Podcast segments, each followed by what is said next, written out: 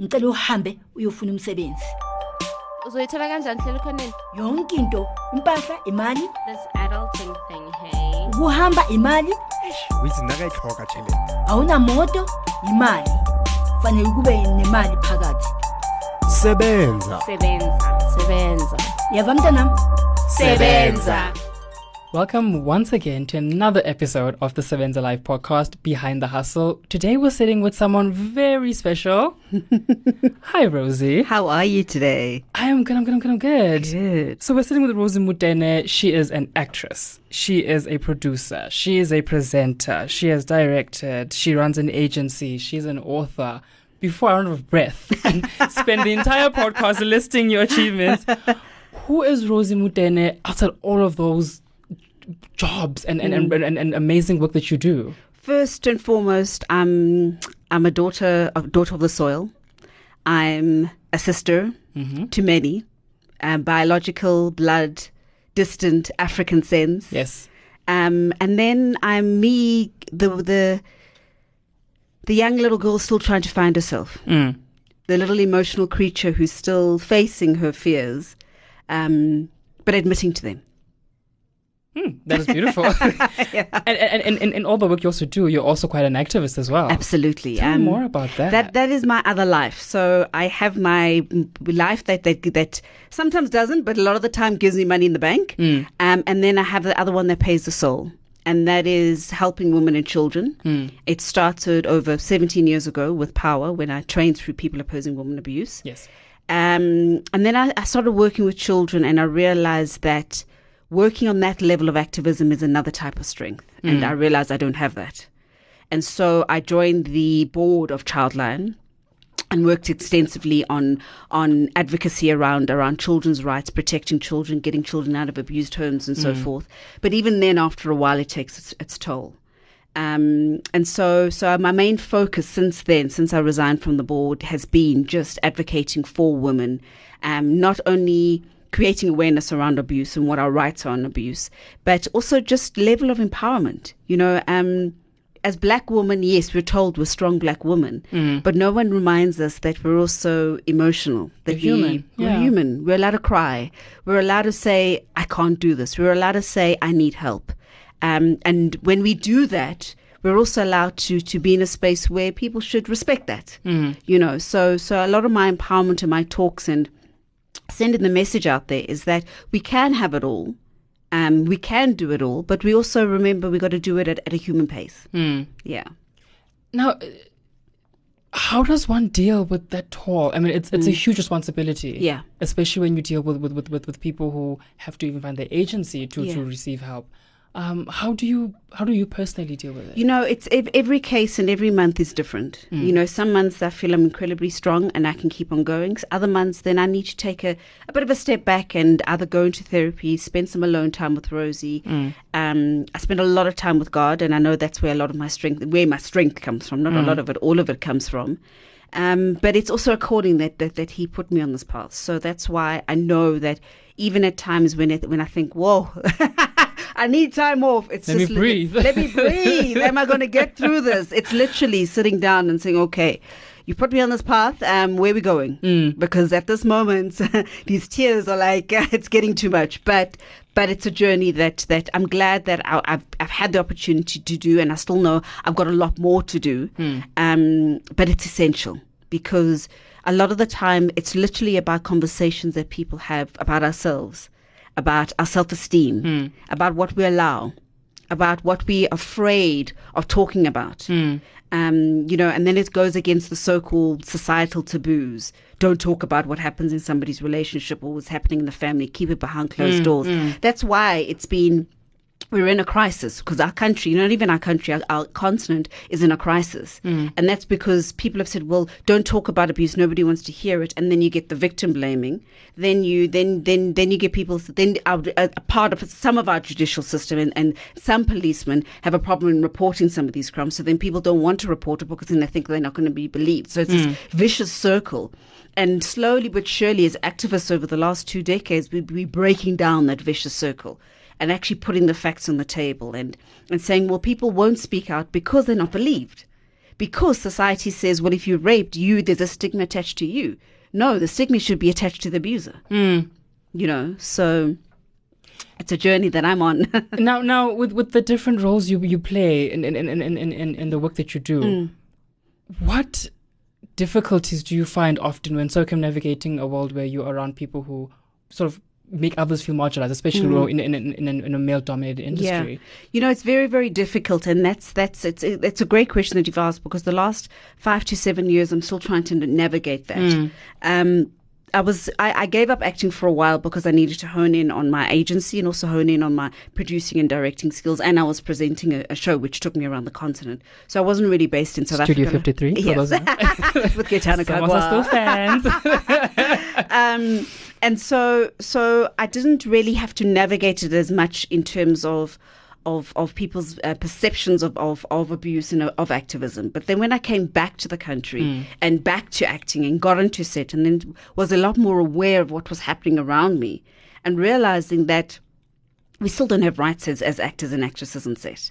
You know, um, one of our, so somebody pointed out from the South African Guild of Actors was that, you know, our contract states that if you come to work drugged or you come to work drunk, you're going to get fired. Wow. But it doesn't say anything that if you get raped or harassed on set. You know, so it's Oh. and, and as and as independent practitioners and as as, as freelancers, we don't fall under the Labor Act, so we don't have HR companies that you can well, HR um, departments that you can go to and then file a case of sexual harassment and so forth. So we're not protected. You know, so that's that's and, and, and that's why it's it's we're at a, a stage where people are talking about these issues more, um, and and and people are stepping up. So so the work that SAGA are doing, they're they're changing bills, they're changing some of our laws, and and and and and, um working around our contracts, and so so so that people are protected on that level. Then number two, then it's creating the awareness on set, so letting people know that as a sound person, you when you put your sound when you when you put your wire on me, you got to ask me first, first before you touch me. Second of all, don't stick your hand down my pants or stick it up my bra. Yeah, yeah. You know what I mean? It's not funny. But for many many years, people have gotten away with that because girls or, or even guys were too scared to even say anything. Hmm. You know, um, it's a known fact. The casting couch, um, how and, and it happens in the music industry also, where so well, you want to get to the top, you're gonna have to either get on your knees or you're gonna have to sleep with this person and so forth. And people are doing it because there's nobody who's protected them. You know, um, I've spoken to many many survivors over the last couple of years, and it's not just men who have been doing who have been protecting the perpetrators. There's also a lot of women who've been protecting them, and it goes back to the whole philosophy of well, we had to do it. What makes you so different? You know, and that is a, a, a, um, also one of the biggest problems in society is abuse and and and and harassment and all these different things have been happening to so many people that it's become the norm.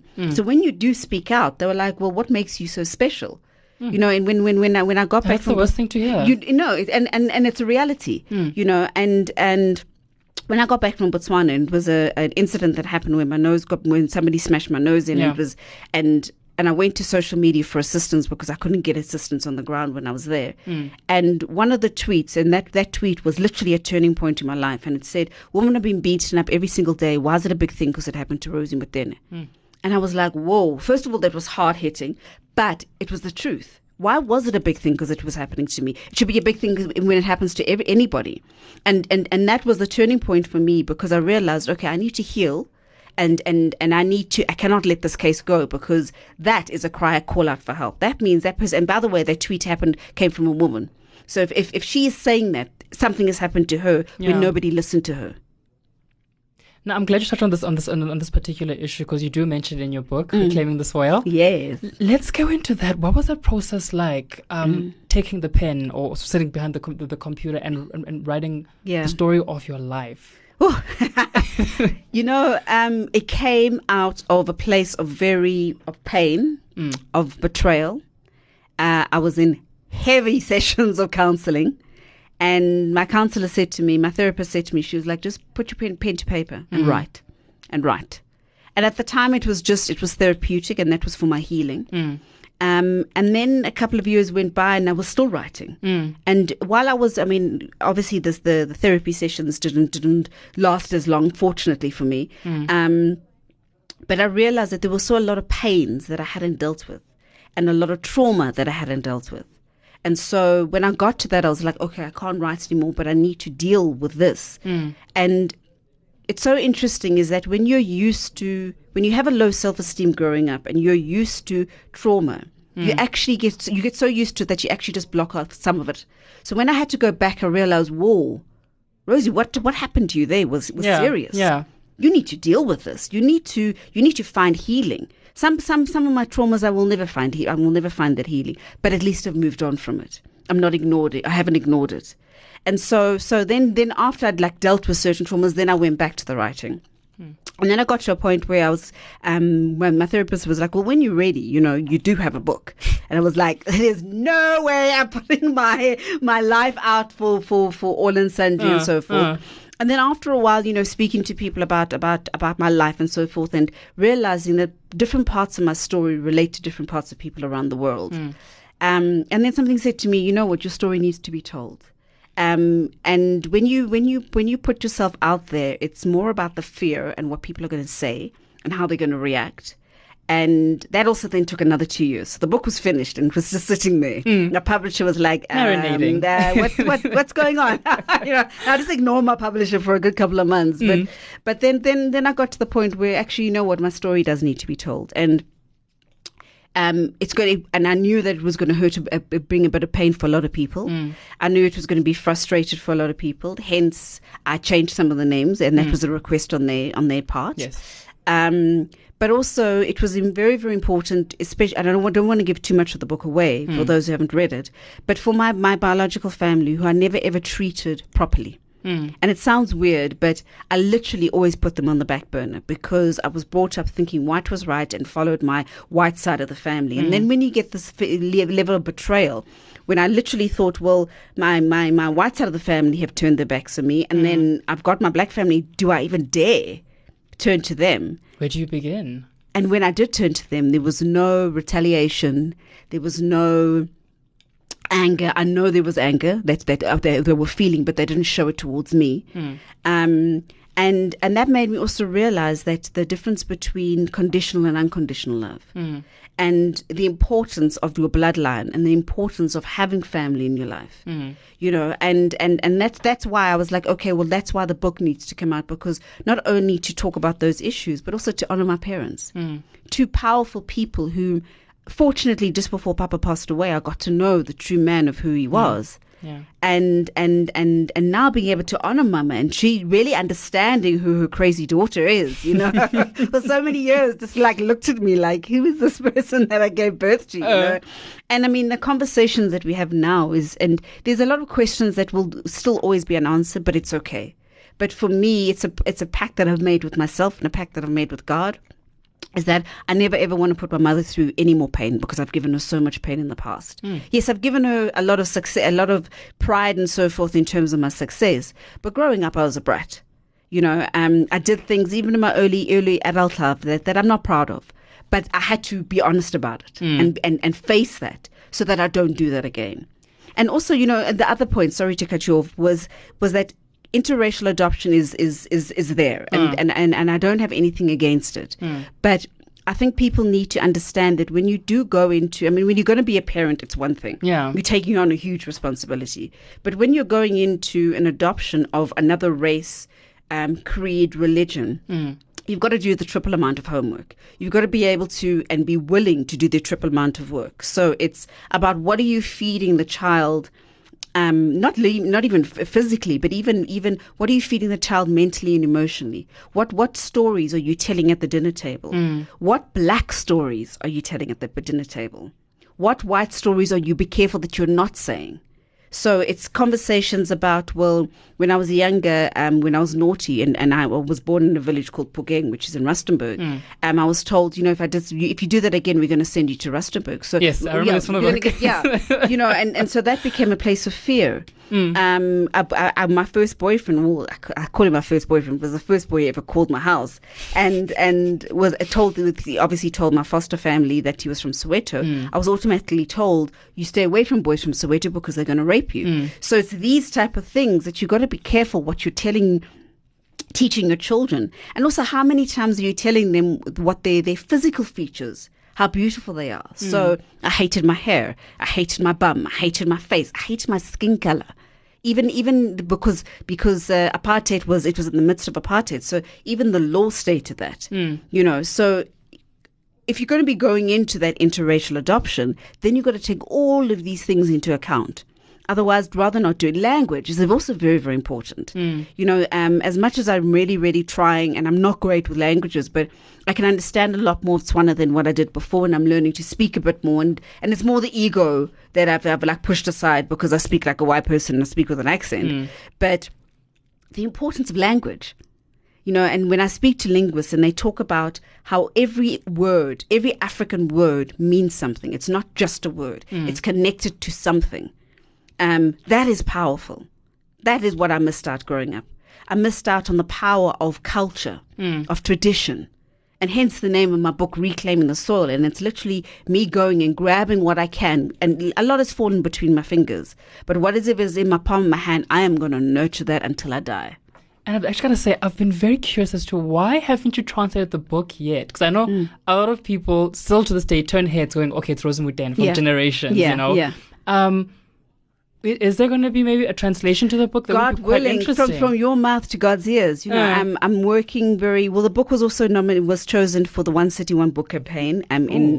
Yes, yes, so yeah, so we're doing. So I'm doing that rollout, but then also I'm working with, oh, and I've got to remember the acronym. So it's the Pan South African Language Lab. That's Hmm. it. Um, and I've just partnered with them, which is really, really exciting. Mm-hmm. And um, I'd want, and the reason why I, I contacted them and, and I said to them, I said, well, language is such an important part of our culture. And Mm. it's great that we're finally noticing that and pushing that out.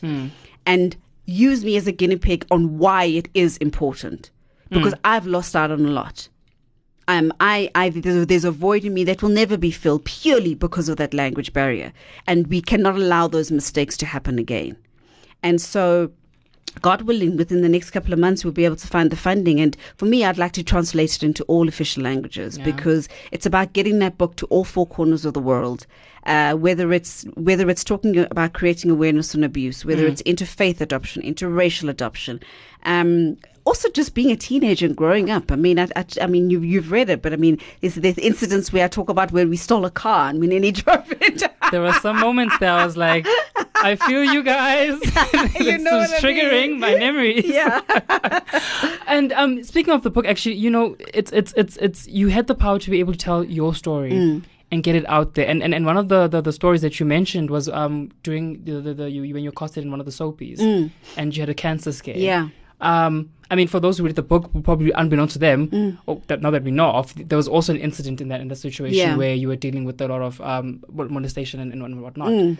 Um, and, and I don't know. I felt like there's constantly this issue where young black women in the industry, especially in the entertainment industry, Mm. are constantly blackballed from other issues. Yeah. Um, my question, there, I guess, is, is is do you feel that this can ever change? And how do we change that? How do we get the voice of young black women Yeah. heard?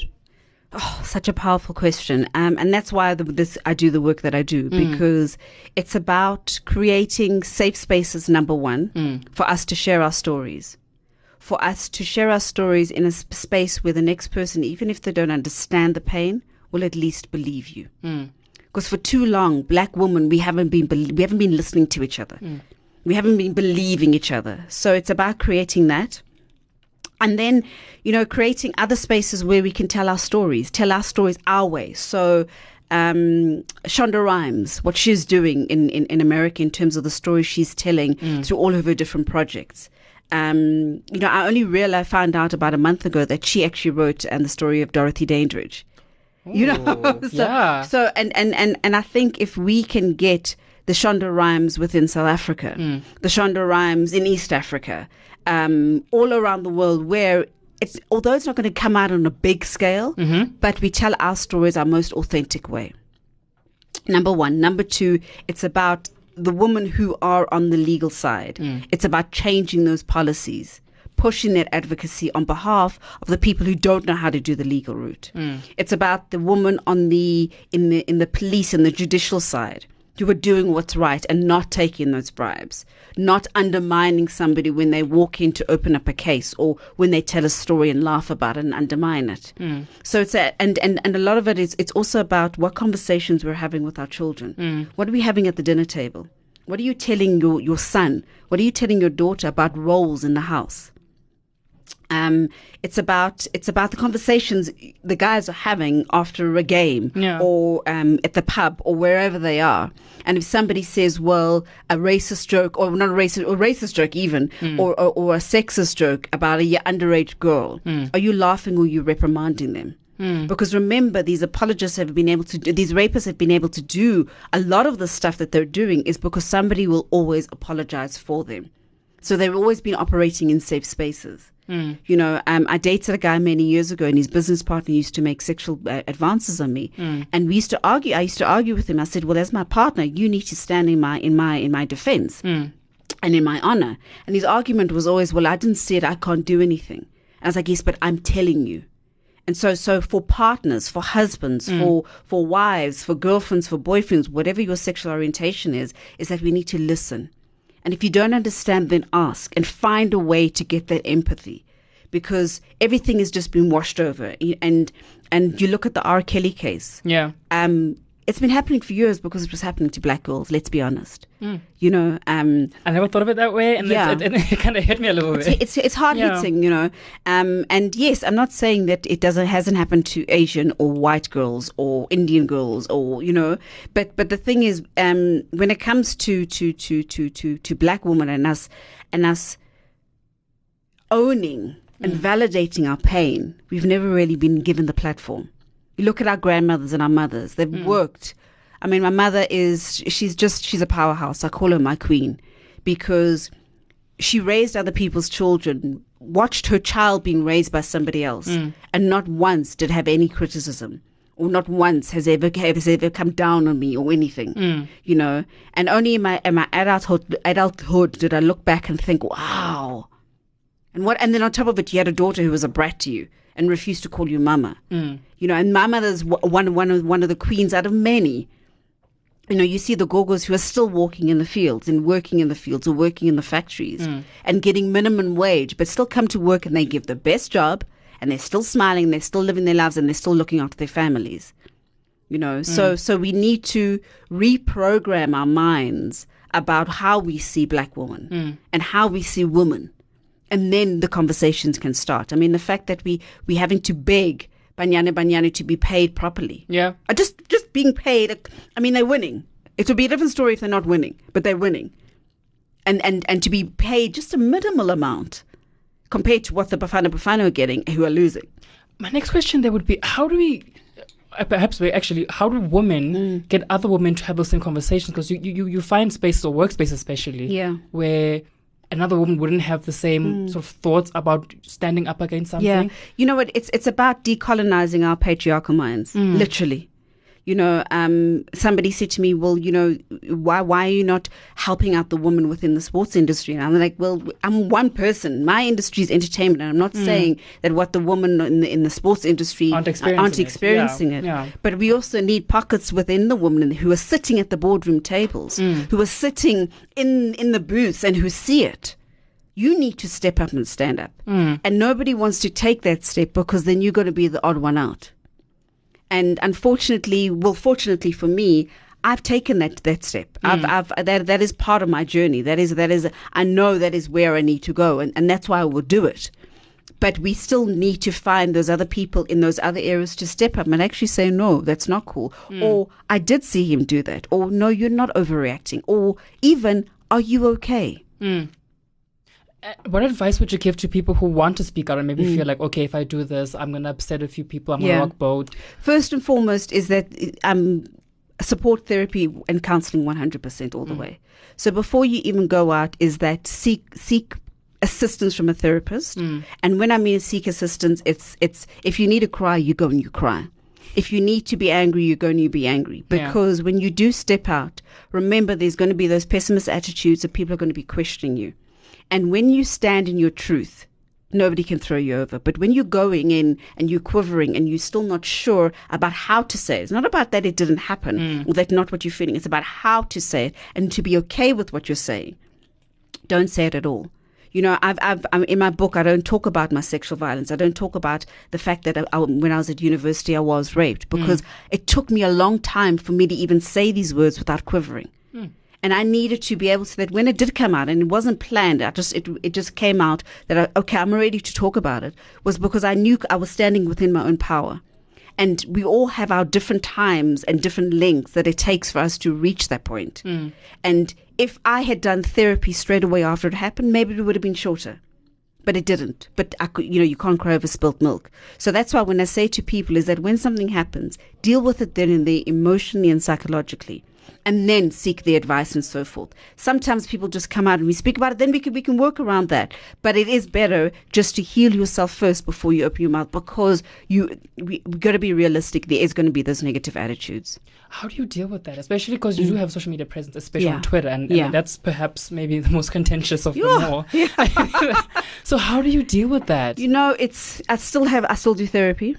I'm I have an amazing group of warrior women and men around me. Um, I'm even going to name them. It's it's Tokozani Ndaba, uh, Lebo Lebogang Mashile, um, Ingeborg Lichtenberg, um, Jack J- Devon and Devon Devnarain. I always get his surname wrong from the South Africa. Who's the chairperson of South South African um, Guild of Actors. Um, I have my my school friends you know so when when when when the tough gets going when when things are really really at the worst one of them will pick it up so it's a call like okay do you need to cry what's going on um, if it's if it's really really bad then it me going into therapy and, and dealing with that. But it's also learning to get a thick skin. You know, I was speaking to to somebody yesterday about you know it, there's a wonderful it's wonderful but it's also scary rise of people calling themselves activists. And it's great that people want to take a stand. But understand that when you get onto that platform there are going to be more daggers coming towards you than people actually praising you for it. And so when the daggers come protect yourself. You've got your shield up you know what I mean? It's it's like you you you you you've toughened up your skin. Expect it because you got to break through those those daggers before you get before you can clear the the the the, the I suppose if the the war room, because a lot of people, as going back to what we were saying before, is that a lot of people don't want to talk about issues if it's happened to them, why should the next person get get get get get justice and so forth? And then people just would like, well, I, I, I this is too uncomfortable. I don't want to deal with it. Why are you talking about it? you know? yeah. And we can't get into the psyche of why people are like that, but. Yes, the daggers are there. There's always somebody who's going to bring you down, criticize you. Twitter, yeah, can be vicious. I get mean, you know, you can say something, go to sleep. Next day, you wake up, you're like, yo, wait a minute. People are swearing at me in Zulu now. I'm like, I'm like asking my friend translate. She's like, who's saying these things to you? I was like, what are they saying? No, I can't tell you. Oh, my, oh, where are you? Are you saying? I'm like, no, okay. So, and it's literally, you know, but uh. but but it's the vacation that I've I've I've, I've chosen, and also when people remember when people are pushing those type of negativity towards you it's a reflection on them hmm. not you hmm. and i've learned that and that's also come with age you know when you when you reach after when you turn after when you turn 40 and the years after that you kind of think okay you know what that that's on you you can call me what you want. I mean, two days ago, a couple of weeks ago, this guy came on and that um, his girlfriend had asked for assistance online for a counselor, and I sorted it out for her offline. And he came on, he was like, Rosie's such a miserable, lonely person interfering in relationships. And I was like, and everyone was like, Oh, are you okay? I'm like, ah, no, no, no. Rather ask him if he's okay because this is this is not a reflection of me. I was just helping somebody who needed the help. Um, within 20 minutes, I mean, we shut him down. He closed his Twitter account. He's suddenly he's not tweeting anymore. His page isn't available, and so forth. You know, and so and so you got to expect that, but also. When, when I tell people when you've gone through your counseling and expect that, but that's also another thing that people don't understand is what survivors do when they're in court. You know, um, it's very very brave of how Cheryl Zondi handled her case Yeah. but also understand that is what survivors go through on a regular basis. And working with POWA over these years, I've seen that, where it's even been in some cases where a judge will like say, well, "If you don't stop crying, I'm going to throw this out of court." You know, you don't have you don't have a strong defense lawyer. You don't have a strong support structure. Um, you know, seeing girls who's reporting a, an incident that's happened in their family and the family are against her, but she's still going forward. And then having to come to court by herself and then go find a shelter because the family had turned their backs against them. So it's all of these different perceptions, you know, and then it's also looking at the African family structure within the rural areas Yep. is and and I, and I will speak about it and I've been lambasted by my family for talking about it but there was a case of, of of sexual assault within my family where and I was only told much much later but where where the wife went back um purely because the family was saying well it's his house if you want to be looked after and taken care of remember a woman cannot be alone. So it's also dealing with those perceptions. And she she ended up going back and me speaking to her and saying well you earn double than he what he does anyway. So fine it's a family house but what you're earning you can get your own room. Yeah. you know and and what are you telling your daughter? Because Yeah. later on she's going to say well you put me back in that situation into the home where the man who was doing this to me. Mm. you know so it's it's all of these conversations that we need to have at different levels and you know, I work. I did a lot of work with Eve Ensler, who wrote the Vagina Monologues, mm. and she's done phenomenal work across the continent, in fact, across the world. And and one of the the, the homes that she opened up was in Kenya, just outside Nairobi, and it's for for because F- FGM, female genital mutilation, is a problem. Mm. It's it's still a big big crisis in East Africa, and she opened up a home for young girls who were trying to escape it, and what she had to do was actually have sit down and have conversations with some of the chiefs. Because it we ne- you needed that message to be trickled down to the village to say listen okay we need to really change the structure. And, and people saying well we've done it for so many years. What makes the next generation so different?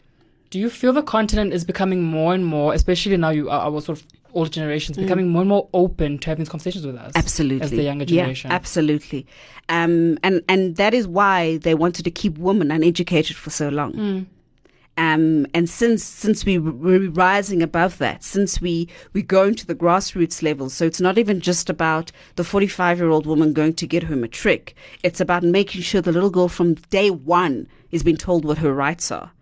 Um, that is opening up a whole new area of discussion of going against patriarchal norms, of breaking barriers, of breaking of breaking stigmas and so forth. And so, I mean, I say to I say to people, we're we're going through a shift. But the last year or so, there's the, before the shift can really happen. There's like this almost this like this vibration that's happening under the soil. Nobody quite knows what what's going on, but we know that change is imminent, and and it's also it's scaring a lot of people because mm. now the little glass houses that they built are are are going to be shattered very very soon. You know, so so it's it's scary, but it's also very very essential of what's happening on the continent, and then also the rise of of of female power is not just in in medical but it's it's it's on the financial side. It's on it's uh, the judicial side. It's it's businesses. It's science. It's technology. It's engineering. I mean we are infiltrating places where we belong and and and where where a lot of women w- want to be um and then also in excelling at it and this is what, what what's also scared a lot of people is that um, you know you put women in mining are they going to handle it? We'll only give them heavy machinery. Well technology has proven them wrong because now some of the machinery that's used are very very light than any anybody can actually Yeah. use you know? So so it's it's we're, we're living in very very exciting times but it's also scary because there are still areas and still territories that are adamant that it's not going to change and that is where we need to put a lot of our focus on. We need to put focus and have these discussions with with people in the village, people in our rural areas, um, heads of state. You know, we had the gender summit last last year, and there were a whole bunch of survivors who were on stage, and they called our president out. And people saying, "Well, that's so disrespectful," but actually, no. The the one of the survivors was talking about where she was a prostitute and she had been um, trafficked through the sex trade, and she says, I remember the specific conference. You were there, Mr. President, because you and your, your, your cabinet ministers were some of our clients. You know, so, so, so calling these different areas out. And, and I mean, a beautiful turning point that came from, from the gender summit was that, um, a woman had been incarcerated for killing her abusive partner. And we literally, the whole room erupted saying we wanted her to be pardoned. And a couple of months later, she was pardoned. Oh, yes. you know so and and looking at her case and it wasn't just a fact of the president stepping down saying okay, well let me you know keep these people happy is that the, her case wasn't valid. She hmm. should have been pardoned years ago. In hmm. fact she should never have been incarcerated you know and and if you look at the judicial system and you look at some of the women who've been incarcerated and the crimes that they've been put in for so you might have killed somebody but there was a protection order against that person for a while. Why didn't the police step in? Why wasn't he incarcerated before? This was self-defense hmm. you know? So it's it's a lot of these things that we need to tackle and break through. And we're at the point now where it's not just the activists. You know, if POWA, we, it's our 40th birthday this year. And the, the agency was only um, registered, if I'm not mistaken, in the early 80s, purely because our laws didn't say anything against domestic violence. The Domestic Violence Act only came about.